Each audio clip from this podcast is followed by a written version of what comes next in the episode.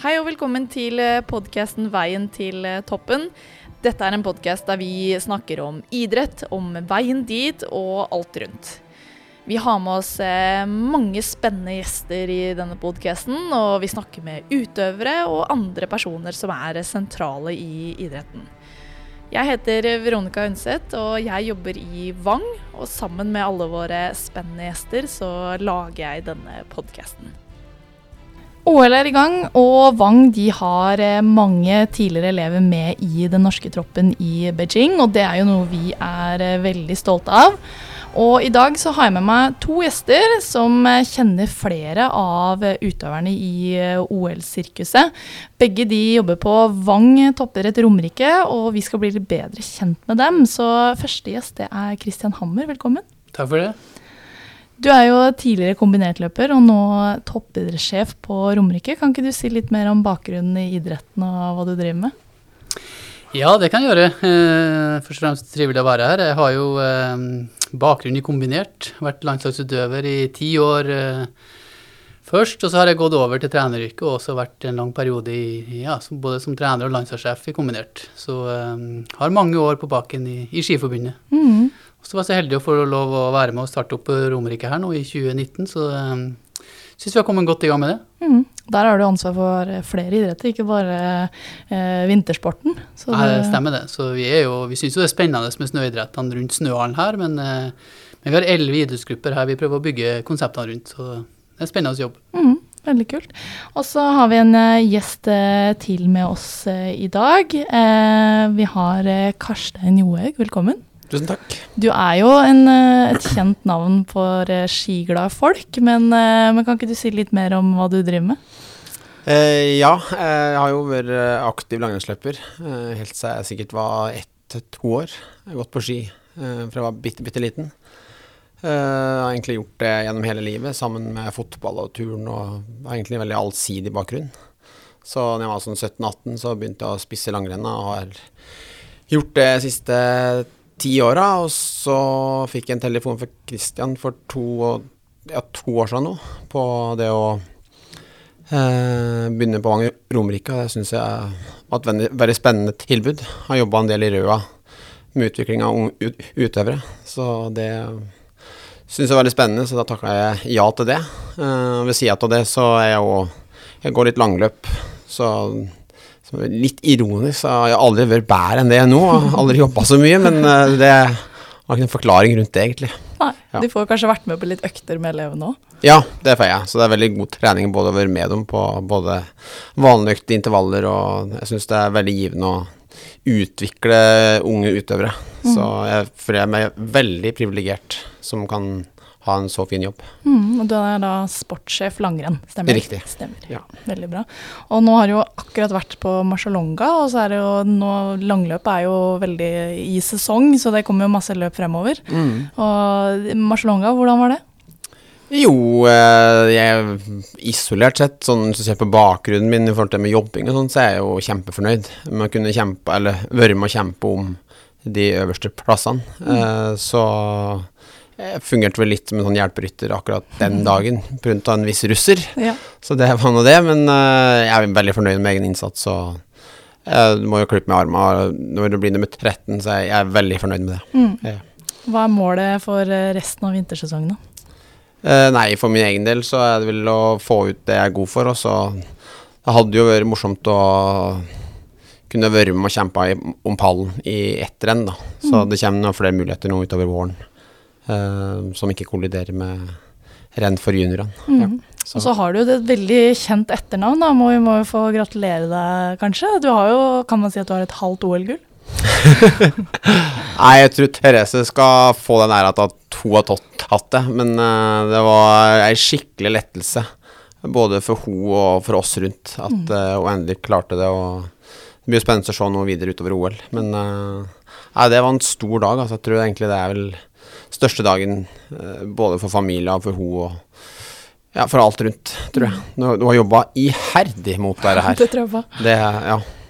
Det må vi jo høre litt mer om, men hun preker jo ofte deg frem som en viktig person i hennes uh, utvikling. Da. Hva, hva tenker du sjøl at du har uh, bidratt med?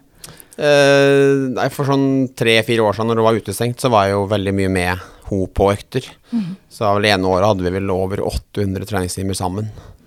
Uh, og så er jeg på en måte på et sånt relativt greit nivå, så vi kan matche hverandre. Både på rulleski og løping. Så da har jo hun en sparringpartner hvor hun kan på en måte gå etter, da. Uh, når hun er på samling med laget, så er det ofte hun som på en måte viser uh, muskler og går ifra. Mens når hun kan trene med rysser, så er det kanskje litt annerledes. Så, så har jeg fungert mer og mer nå som en treningspartner. Både inn mot opplegg og økter, og jeg gjør vel med en gang i uka fast på Olympiatoppen. Både mot rulleskiøkter på mølle og det er jo på en måte jeg og hun som legger planen hennes, og så diskuterer vi det med Pål Gunnar. Og så blir vi enige. Så det er vel sånn det fungerer, egentlig. Ja. Mm. Og um, OL for fire år siden i Pyeongchang, da var dere på Sjusjøen og kjørte testløp. Hvordan klarer man å omstille seg fra å drive og kjøre testløp opp på Sjusjøen der, mens alle lagvenninnene er i OL, liksom? Nei, jeg, no, jeg hadde jo testløp både på Sjusjøen, og så hadde jeg òg testløp i Kollen med Marit Bjørgen, eh, hvor hun var et godt stykke foran. Eh, og det var litt lettelse, tror jeg, å bare se at eh, jeg klarer iallfall å slå ho. Og det som var litt morsomt da, var jo at Marit var vel, tok vel fire OL-gull, eller hva det var, i Pyeongchang, så da på en måte hun visste at nivået hadde inne. Og det er vel mer, når du er i en situasjon nå er i da, så er det ikke det fortvilelse, men mer sånn Yes, jeg kan, og så bare gi meg sju-åtte måneder til, så kan jeg være med å eh, prege resultatene. Og det Hun har vel visst det de siste to åra, vil jeg si. Ja. Ja, da er hun ekstra godt å få gjennomslag for alt det man har gjort da, i, nå på lørdagen. Men Ja. eh, det kommer jo noen flere, flere løp fremover, da. eh, Den siste, neste, eller i perioden nå i OL. Hva, hva er forhåpningene? Hva tenker du om resten av, resten av prestasjonene? Det var det ene OL-gullet hun hadde som mål, eh, og når hun klarte det, så tror jeg hun kan senke skuldrene ganske mye, og så blir det mer arbeidsmål nå på både 10 km og 3 mila, og jeg mener vel personlig at sannsynligheten for at hun gjør det bedre der, altså i forkant av OL, er ganske mye større både på 10 klassisk og 3 skate versus duatlon. Slik jeg ser det, da. Eh, Men så har du, du har så sjukt mange faktorer som spiller inn på resultatliste, og det alt skal klaffe. Så det er ikke vi tar ikke noe for gitt her, sjøl om hun var jo et godt stykke foran de andre eh, på lørdag. Det var. Det er jo det vi mangla, det OL-gullet nå. Men når, eh, når du var utestengt og på en måte fikk en så lang periode uten å få konkurrere, eh, hvordan klarer man å motivere seg for å legge ned den jobben skal, som skal gjøres? Det må jo ha vært ganske mørkt i den perioden der. Man må jo komme seg ut og hva, Du som har stått på sidelinja, hva, hvilke arbeid har du lagt ned? Nei, du må jo sette deg små mål, da, både til hverdagen og i et kortsiktig perspektiv, og da i et langsiktig, langsiktig perspektiv, som da på en måte når Pyeongchang ikke ble, så ok, da er det iallfall et OL i 2022 eh, som kan jobbe spesifikt inn mot. Og så må du gjøre noen ulike prioriteringer, både på økter og eh, Det viktigste både for hun og for alle som satser langrenn, og egentlig uavhengig av idrett, det er å ha glede med det du gjør. Jeg tror hun elsker å trene. Eh, så jeg står tre timer på planen, og det er kjempefint vær, og hun har gått tre timer, så har ikke hun lyst til å inn igjen. Det er at hun må det, for det er liksom gunstig med tanke på utvikling. Da. Eh, og det å ha den der lysta der på alle økter hele tida, det tror jeg kanskje kan være den største drivkrafta hun har. Eh, som har gjort at hun har kommet seg gjennom de to åra her. Og så har jeg jo hatt eh, vanvittig støtte i både støttespillere og lagkamerater og venner som på en måte har motivert henne ut på økter. Sjøl om det var ikke bare lyse dager uh, den høsten 2017. Nei. Uh, når jeg visste at OL det blir uten meg, og, og fikk jo i prinsippet en toårsdom for at det var Hun kunne komme tilbake til å konkurrere av 1. mai, og da er jo sesongen over. Så ja, det var jo ei tid, det, men jeg tror igjen valuta for det nå. Det tror jeg. Ja, det, det ser jo sånn ut, da. Mm. Men eh, et OL-gull og en haug andre medaljer og 15 år i verdenstoppen. Hun slo vel gjennom i 2007. Eh, hvordan, eh, hvordan holder man seg så lenge i det gamet her? Du sier jo noe om liksom, den eh, lysta, men det må jo ligge noe annet der òg. Det må være noe mellom ørene som gjør at hun klarer å holde på så lenge. Ja, hun er veldig strukturert, og så har han dedikasjon til det å drive med idrett, da, og knallhard i prioriteringene. Jeg tror den planen vi sånn på grovoversikt la 1.12., så har vi kanskje hatt 0,1% avvik på det. Så hun er veldig på en måte Hun vet hva hun skal gjøre, og gjennomføre det. Og så på en måte er hun veldig tilpasningsdyktig, sånn som det med covid. Eh, Det er da en ytre faktor som hun ikke får gjort noe med. Eh, Det eneste hun kan gjøre, er på en måte å prøve å isolere seg, ikke treffe folk, holde seg frisk. Eh, og så på en måte heller eh, bli bedre på det du eh, kan gjøre noe med, da. I stedet for at du begynner å henge deg opp i det, og så blir på en måte hardøkta der, skulle vært der. Jeg får ikke gjort det jeg skal, det blir for kort tid inn mot OL. Eh, heller starte ak akklimatiseringa eh, med tidsforskjell i Seiserhallen. Eh, finne gode løsninger og tenke, altså, tenke positivt rundt på en måte valg. Og der tror jeg hun er ekstremt god. Og det skal ikke si at det er noen forskjell på hun og andre løpere, men jeg tror kanskje det var en faktor som var med at hun tok det gullet nå på lørdag. Det er jeg ganske sikker på. Ja, for hun var ganske sånn var ganske bestemt og veldig på en måte ute etter arbeidsoppgaver og vet sånn som det løpet utvikla seg, og det var jo egentlig bare et referat fra samtalen vi hadde kvelden før. Ja. Ja. Ikke sant? Så hun, gjør, eh, hun tenker ut på forhånd før hun går ut i løpet og vet akkurat hva hun skal gjøre, og så gjør hun det, Ja, vi har jo på en måte ulike scenarioer, for det kan jo skje ting. Ja. Hun kan ramle, hun kan knekke ski, knekke stav. Så det er viktig å på en måte ha det perspektivet på det òg, men eh, sjelden så skjer sånne ting. Så det er greit å bare ha på en måte fokus på det du kan eh, ja, få gjort noe med. Og så eh, gikk det jo veldig bra. mm, gjør det. Ja. Så kult.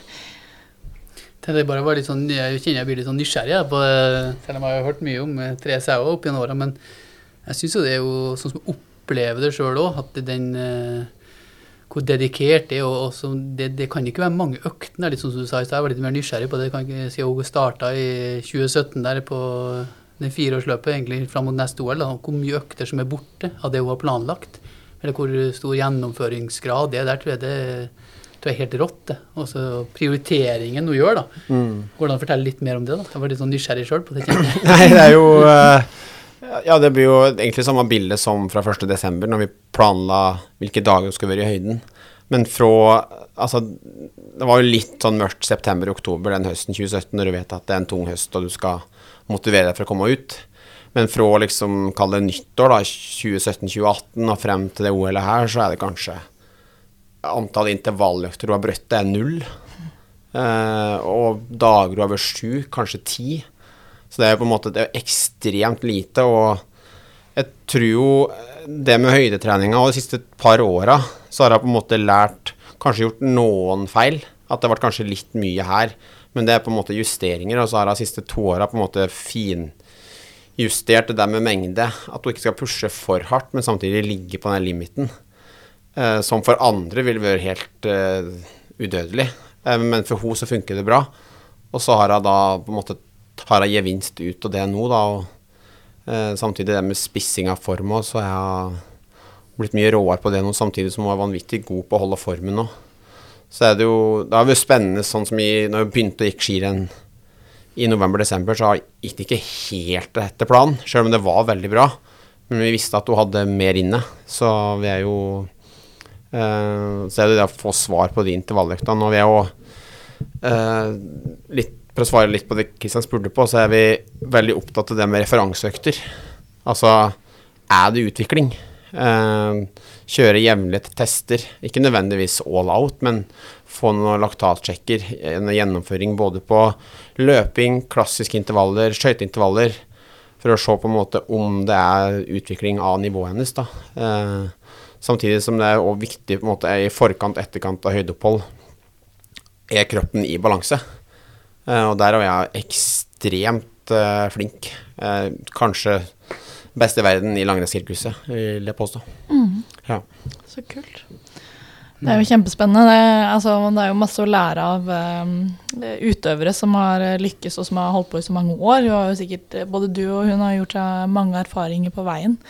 Men eh, vi har jo eh, også flere utøvere i OL som, eh, som er tidligere Vang-elever.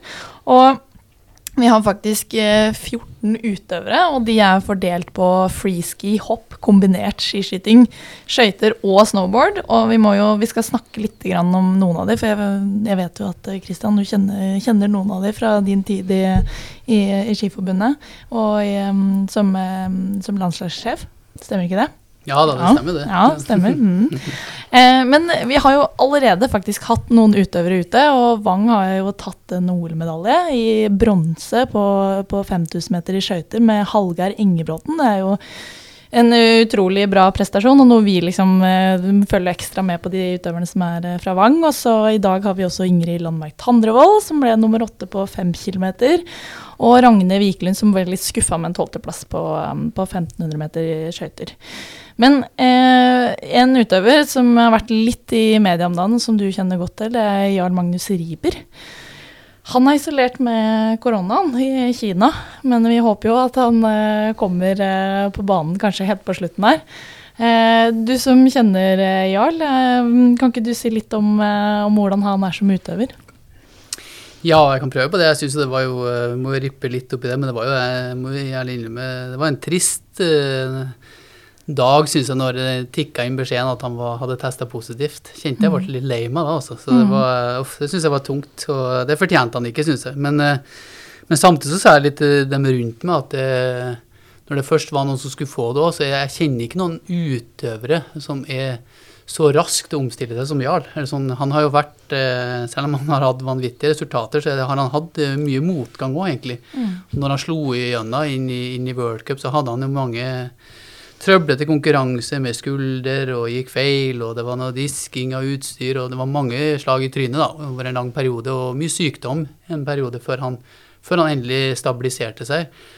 Men han er helt fantastisk i forhold til det her med å Hvis det skjer et eller annet som han må stoppe opp, så er han eh, så rask å finne nye ting å utvikle seg på. Han er helt fenomenal og mye lenger framme enn alle andre jeg kjenner. da.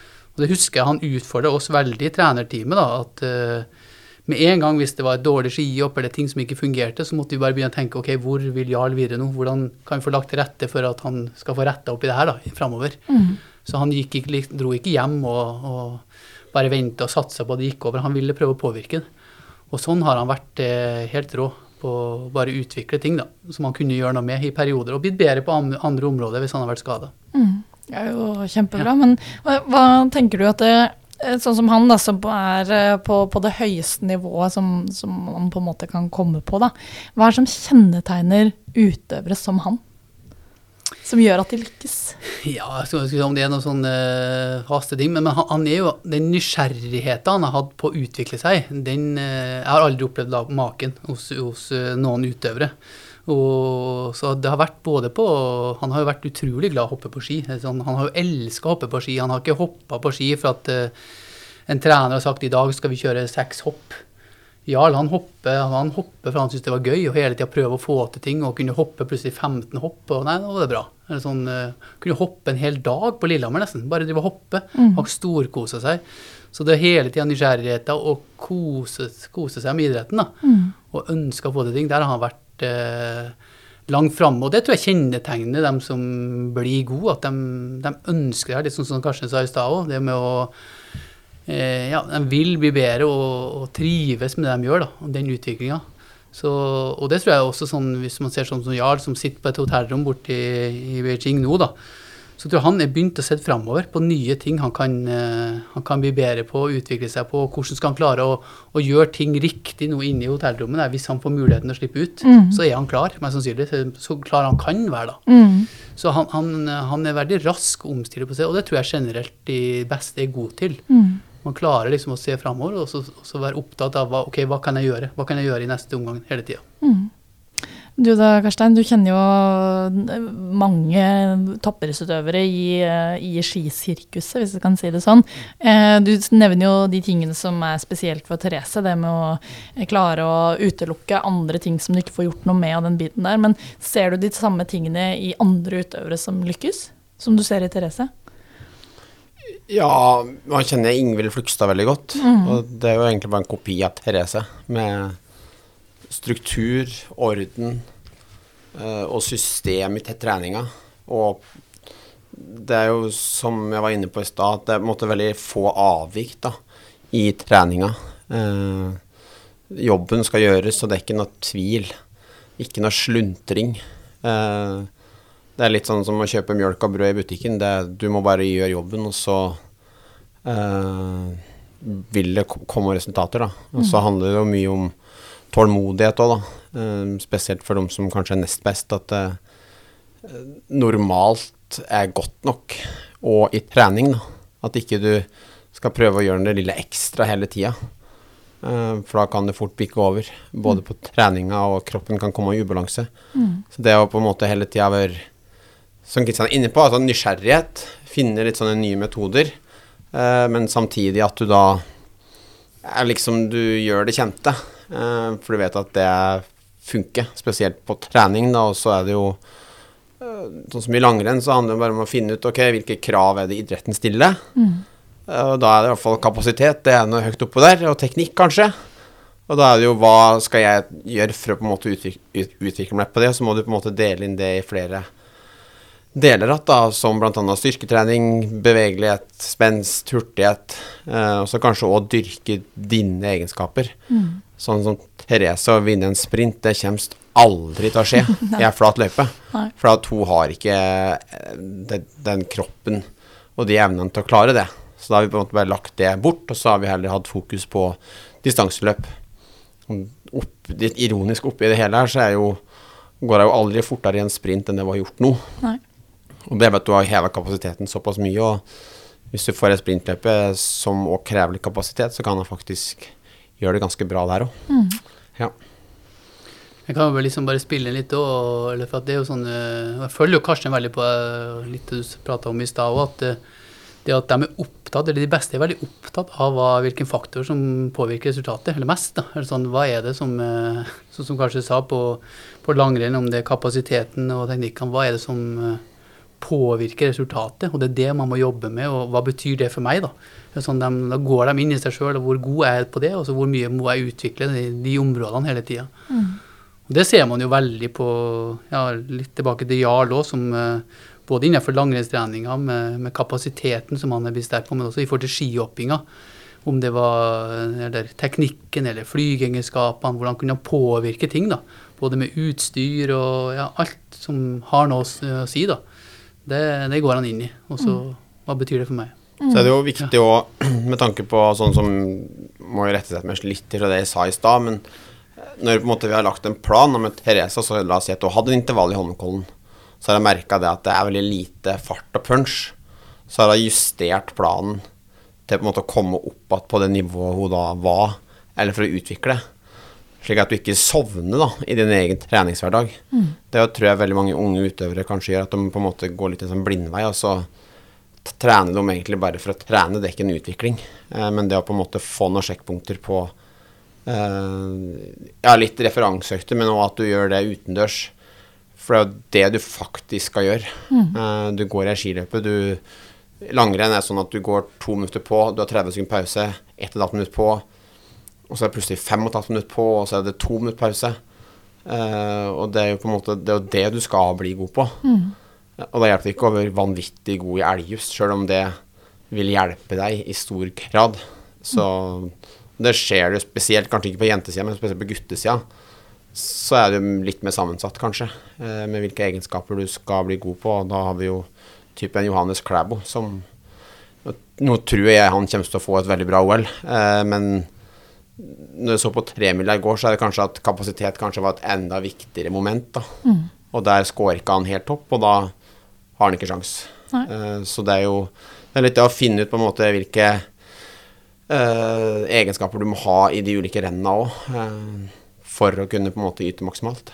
Og da ligger jo litt den der, eh, som vi snakket om, med den nysgjerrigheten da, som, eh, som Jarl også har, med å tenke hvor, hvor kan jeg utvikle meg, hva kan jeg bli bedre på, men også hvordan kan jeg justere det opplegget jeg nå har satt Så for å kunne utvikle meg og gjøre det bedre. Eh, og ja. Du kan jo bare nevne, nevne at sånn eh, kvelden før jeg snakka med Therese, så var det jo snøen i Det her er veldig på detaljnivå, da, men snøen i Kina er jo så trå. Det glir ikke i hele tatt. Nei. Så da når vi så gjennom teknikkvideoen, da jeg snakka sikkert om en time med henne, på åssen skal hun på en måte justere det tekniske for på en måte kunne løse det best mulig. Uh, og det å tror jeg på en måte hjelper ganske mye, eh, med tanke på at du heller kan bygge deg opp, da, i stedet for at det glir ikke, liksom. Eh, så da eh, liksom f.eks. det å ha korte og kjappe trykk i skiva, i stedet for liksom det å at det blir for sekt. For at sånn som i diagonalen, så det glir ikke. Du svarer ikke. Du, når du setter skia fram, så er det det stopper opp med en gang. Så da må du òg justere. Det å på en måte være litt sånn innstilt og litt det samme som Kristian var inne på i stad, det er nysgjerrighet og på en måte være litt løsningsorientert med hvordan skal jeg kunne løse det best mulig. Mm. Ja. Nå er jo, snakka vi jo litt om, eh, eller en del om OL her. og et av eh, målene for Vang det er jo at vi skal utvikle utøvere til Olympiatoppens utøverstipend og idrettens høyeste nivå. Jeg tenker jo at idrettens høyeste nivå er jo i hvert fall OL. Men eh, hvordan, hvordan, gjør vi det her på Vang, Kristian? Ja, altså, jeg føler jo at vi er nysgjerrige på utvikling, da. Det gjør jeg. Og vi, vi har mye gode trenere. Jeg syns vi er heldige eh, på Vang, og at det er veldig mye sterke, sånn som Karsten her. Det er mye sterke trenere som er ansvarlige for, eh, for utøverne våre. Så de vet hva det handler om i hver enkelt idrett. Og klart, den kunnskapen er kjempeviktig for dem som skal utvikle seg. At, eh, at det er noen som er god på det, og faktisk vet hva det dreier seg om. Sånn at man kan faktisk være med, sånn som Karsten pratet om Therese og være med å veilede. at Hvordan kan vi bli bedre på det området da, når, når utfordringene dukker opp? da, mm. og hva, Hvordan uh, skal man utvikle seg? Så, så, vi er jo opptatt av kompetansen. Den er vi jo, Det er viktig for oss. Det er jo ikke uten grunn at Karsten sitter her og er trener i Vang òg. Mm.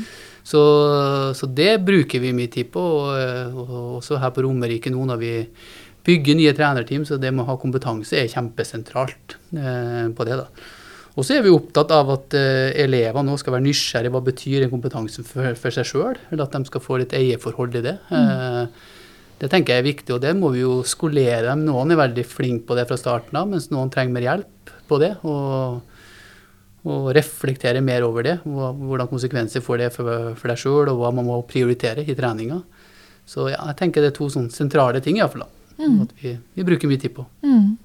Ja, for jeg tenker jo når jeg hører eh, måten du snakker om eh, på en måte den støttespilleren du er, eller den eh, referanse Altså den, en person du kan reflektere med da, sammen med, med, Therese, og den personen du er for henne, den er jo en enorm eh, ressurs for eh, elevene her, da, som ønsker å eh, ja, bli så gode, da, og, eller i hvert fall få ut sitt potensial. Mm. hva slags rolle tar du i, i, i deres utvikling, eller hva er du opptatt av? Uh, først og fremst er det jo på en måte å bygge en bred Altså at de både får kompetanse rundt det med trening, uh, lære og forstår hva det vil si på en måte øve langrennsløper. Det er kanskje det viktigste. Uh, og så kommer det litt mer hvilke egenskaper som kreves for å kunne gå fort på ski.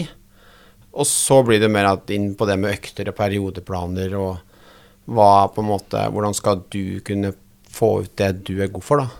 Um, så det handler jo på en måte mer om å altså, bygge utøvere til å kunne uh, bli god på sikt. Det er jo kalle målet mitt, da. At flest mulig driver med langrenn nå om fem år. Og at mm. vi klarer å utvikle løpere uh, som kan på en måte bli en morgendagens utøver, da. Uh, som kan være med i OL eller VM om ti år. Det er jo det overordna målet. Så jeg tror spesielt det med kompetanse, treningsforståelse vite hvilke egenskaper er det jeg er god på, og så samtidig utvikle det.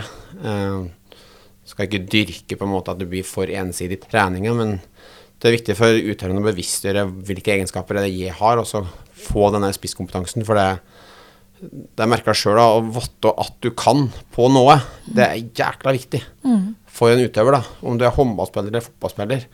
Uh, for da vet du at på, måte, på din beste dag så kan du faktisk få ut ditt potensial, og da er du eh, veldig nært kalle Norges beste i ditt årskull, da, eller at du klarer å komme deg til det mesterskapet, eller kvalifisere til de krava som idretten har satt. Um, så det er jo kanskje hovedmålet, mm. slik jeg ser det.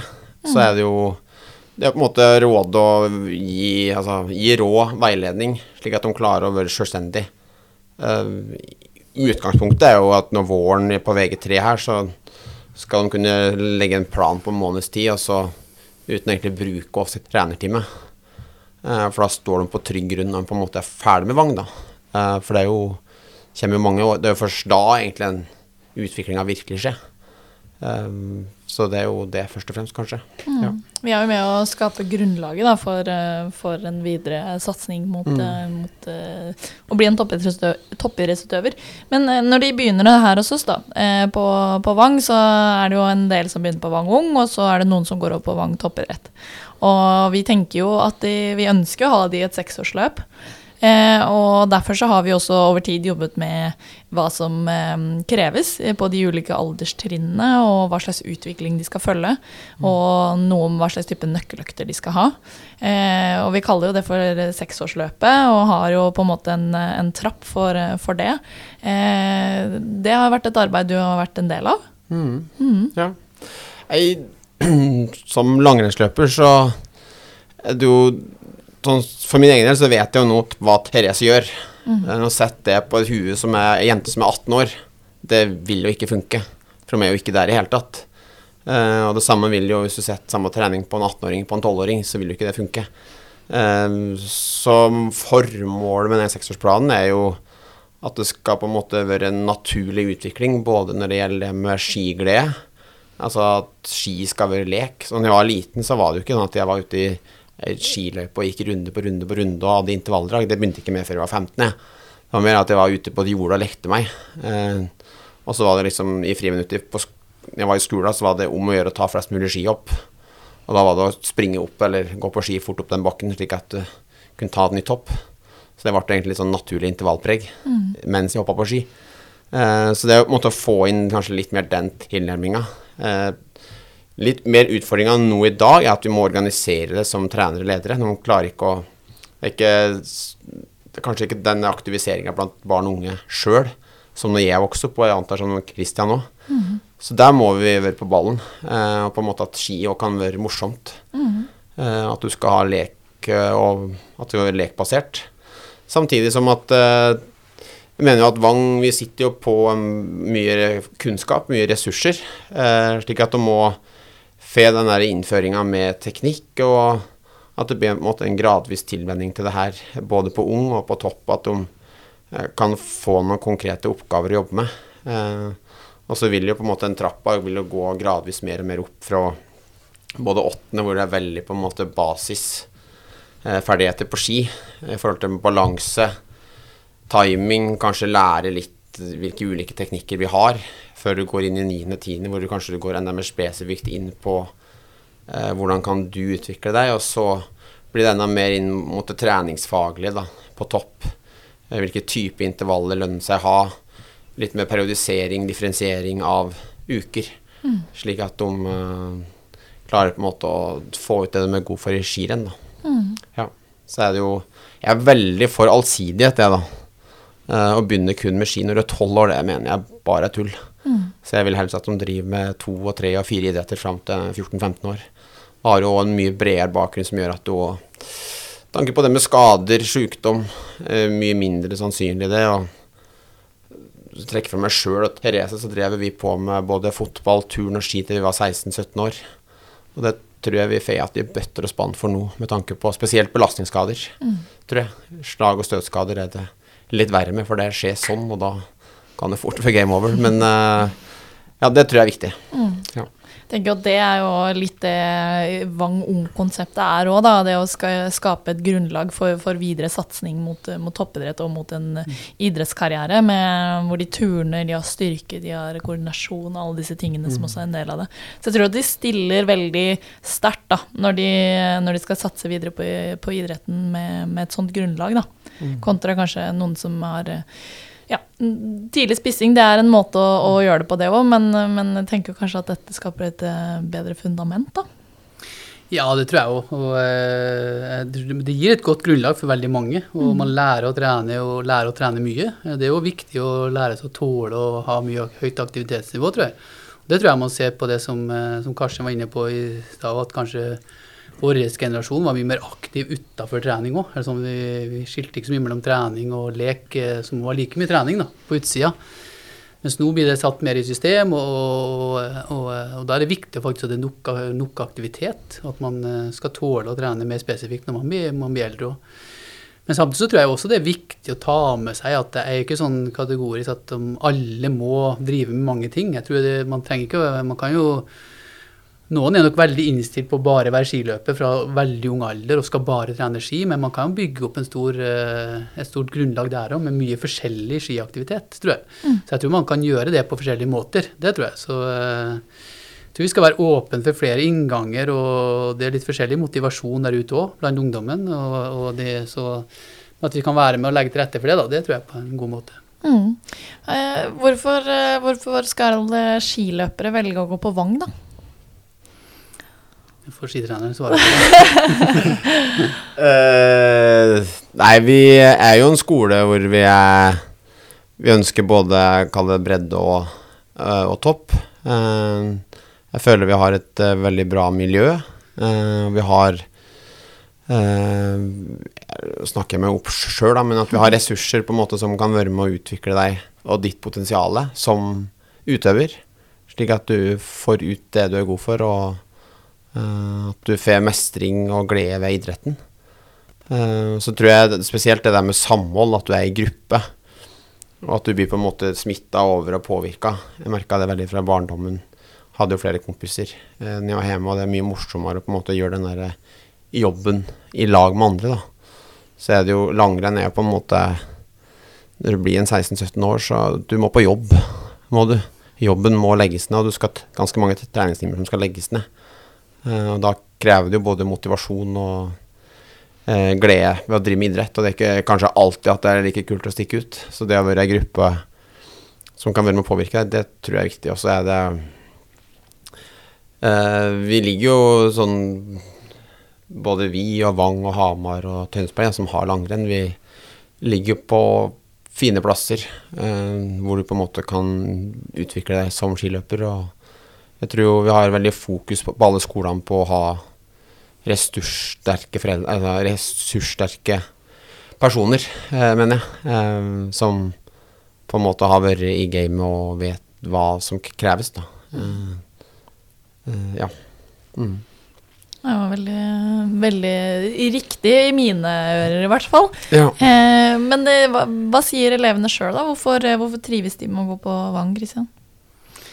Jeg tror jo Karsten er inne på noe veldig sentralt. Jeg tror jo det med, det med miljøet, og så tror jeg de får den uh, stimulien man ønsker. da. Man ønsker jo, man er jo nysgjerrig på idretten. og de, de aller fleste håper jo velger skolen i utgangspunktet for de ønsker å kombinere det med, med idrett og, og, skole. Og det her vil være det beste alternativet. da. Mm. Så at, uh, og den nysgjerrigheten på det de elsker med det ja, så jeg husker som for min del, det med å være kombinertløper. da det var liksom, Hvordan kan jeg utvikle meg som kombinertløper og faktisk få lov å ha det som skolefag? Det hadde jo vært drømmen. Mm. det fikk ikke jeg oppleve. så jeg tror det, det, å kunne ha ti timer med toppidrett i uka er jo fantastisk på videregående. da. Og faktisk kan komme opp i idretten din og lære mer om det. Det er jo eh, et veldig godt utgangspunkt, syns jeg. Mm. Og så vil jo resten av hverdagen vil tilrettelagt veldig rundt det. Det er jo det som er, er, så fint, og som jeg tror veldig mange opplever når de, og og jo mer ivrige de blir, og jo mer de blir inn i idretten, så jo bedre tilrettelagt blir jo skolen. Og der er man flink, det vil jeg påstå. Mm. Ikke sant. Ja, eh, jeg vil egentlig over på å gi noen, noen råd ja, til eh, unge utøvere og trenere. Det er en sånn fast spalte at alle gjestene gir noen gode råd. Og her sitter jeg jo med to stykker som har vært i gamet og er litt i, i gamet og kjenner, kjenner utøvere og, og, toppidretten. Så hvis dere skulle gi noen, eh, noen gode råd til unge utøvere og trenere, hva skulle det vært? Karstein? Ja, det er et veldig vidt spørsmål. Uh, nei, først og fremst er det da glede ved idretten. At du synes at det her uh, Hvis du skal bli ordentlig god, da. Du må synes at det er ålreit og morsomt, og det er noe du liker å drive med. Så det er jo å kalle det sånn kalle grunnmuren på det. Uh, og så er det det å på en måte finne ut hvor, hvor står igjen i dag, og så lage sin egen utviklingstrapp på å utvikle de ferdighetene du står med. Og så tror jeg òg det er veldig viktig at når du på en måte så kommer opp på et visst nivå da, og har en trener du bruker tett, så er det viktig med tillit. Og så på en måte følge planen og bruke de personene rundt deg tett, eh, slik at du får den gunstigste planen eh, hver uke og hver dag. Da. Eh, slik at du kan få optimalisert hverdagen eh, på best mulig måte.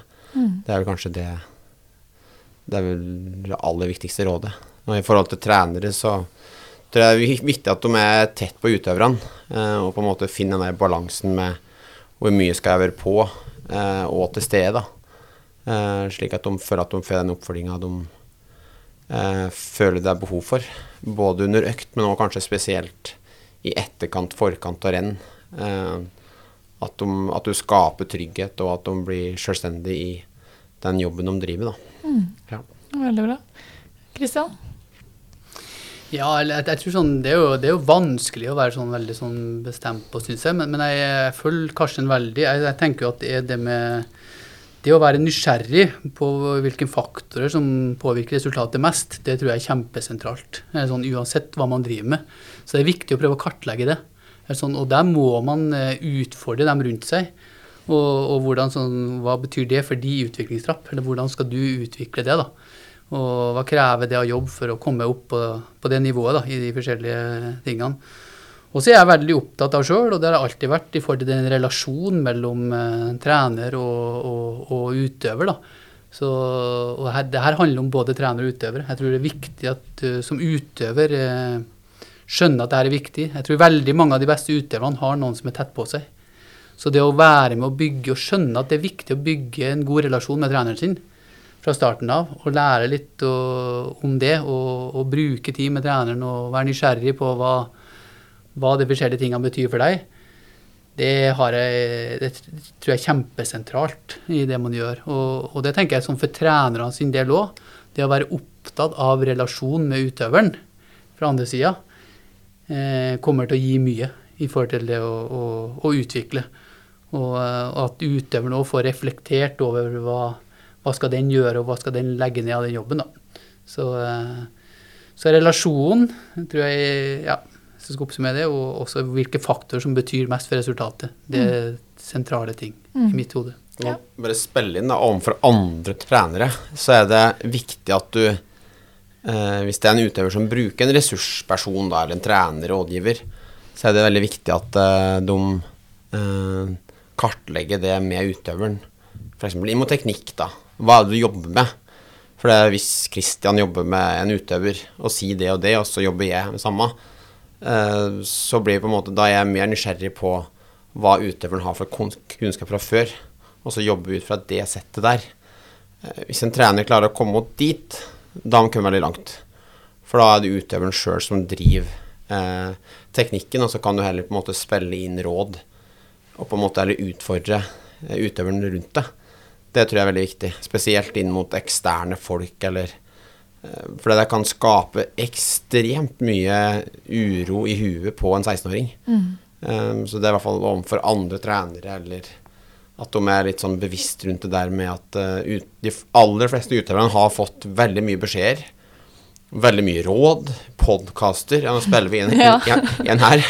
Men det er mye Altså, det ligger så mye kunnskap ute som er veldig bra, men det å ha lit til trener og de personene du har rundt deg, det tror jeg er viktig, og at du da som trener spiller det bra, da. Um, det tror jeg er viktig. Ja. Det er jo en uh, litt vanskelig balansegang òg, det du sier med, med Ja. at man har så mange steder man kan søke kunnskap. Da. Mm. Men det er jo litt det vi lærer de også i Vang, da, at de skal bli sin egen trener. Mm. Eh, og kunne ta noen selvstendige valg, men, men selvfølgelig i samråd med, med trenere også. Så det er gode råd, og veldig fint at du spilte inn det. Mm. det Ja, absolutt. eh, det her vil jeg jo egentlig bare litt forsterke òg, for det, det trøkket er jo større enn det noen gang har vært. Det er det. Sånt, og, og da blir det desto viktigere på en måte at man har noe rundt seg som kan hjelpe til å fasilitere litt. da. Mm. Så at man, eh, man kan gjøre det litt enklere i hodet for, eh, for den som står der. Mm. Og, og det er for så vidt eh, Trening er jo på en måte ganske enkelt òg. Sånn, det er ikke noe sånn hokus pokus egentlig. Så det handler om måte å gjøre det over tid, da. Og stå i det. Mm. Så kan jo, Therese kan jo komme med råd til unge utøvere om hva Ja. hun gjør nå. Mm. Eh, og det funker sikkert veldig bra for Therese. Mm. Men det er ikke sikkert at det funker like bra for en 16-åring. Så da må heller på en måte Hva var det Therese gjorde som en 16-åring? Mm. Uh, hvorfor har hun kommet dit hun er i dag? Mm. Det er et mye bedre råd hvis hun hadde gjort det. da. Mm. Eh, at hun f.eks. trener fem timer om dagen fem dager på rad, og gjør det for en 16-åring, det er jo idioti Mm. i mitt hue. Så det er mye bedre heller på en måte se den utviklinga på hvordan du har kommet dit, og så kan da utøveren om tolv år, som da fortsatt satser ski, og det er det OL-gullet som skal tas, eh, da kan det funke bedre med et råd fra en som har vunnet OL-gull. Um, så det er jo litt den derre villedende kunnskapen. Jeg syns det Det føler jeg som trener er skikkelig utfordring. Eh, egentlig veldig altså, Ofte da, så kommer det veldig ofte opp spørsmål fra utøvere som har hørt fra podkaster på alt mulig rart. Eh, og 'normal is enough' det er ofte et uttrykk som eh, blir brukt, og det jeg prøver å forenkle det. Det tror jeg er viktig. Absolutt. Ja. Kjempebra. Eh, vi må jo eh, sånn avslutningsvis eh, minne om at søknadsfristen på Vang det er 1. mars. Det er ikke så veldig lenge til. Og vi har jo allerede fått inn eh, masse søknader, vi, både på Romerike og ellers i Vang, som vi gleder oss til å se om det kanskje kan være morgendagens utøvere. Det blir spennende å følge, og spennende å ta inn nye kull til høsten. Veldig bra. Jeg må jo takke dere for at dere delte erfaringer og var med i podkasten Veien til toppen. Så um, takk for det. Eh, og til deg som hørte på, må vi også si tusen takk, og at vi kommer eh, med nye episoder hver måned. Og du hører dem på Spotify eller på Apple Podcast, og da er det bare å søke opp Veien til eh, toppen. Og så høres vi.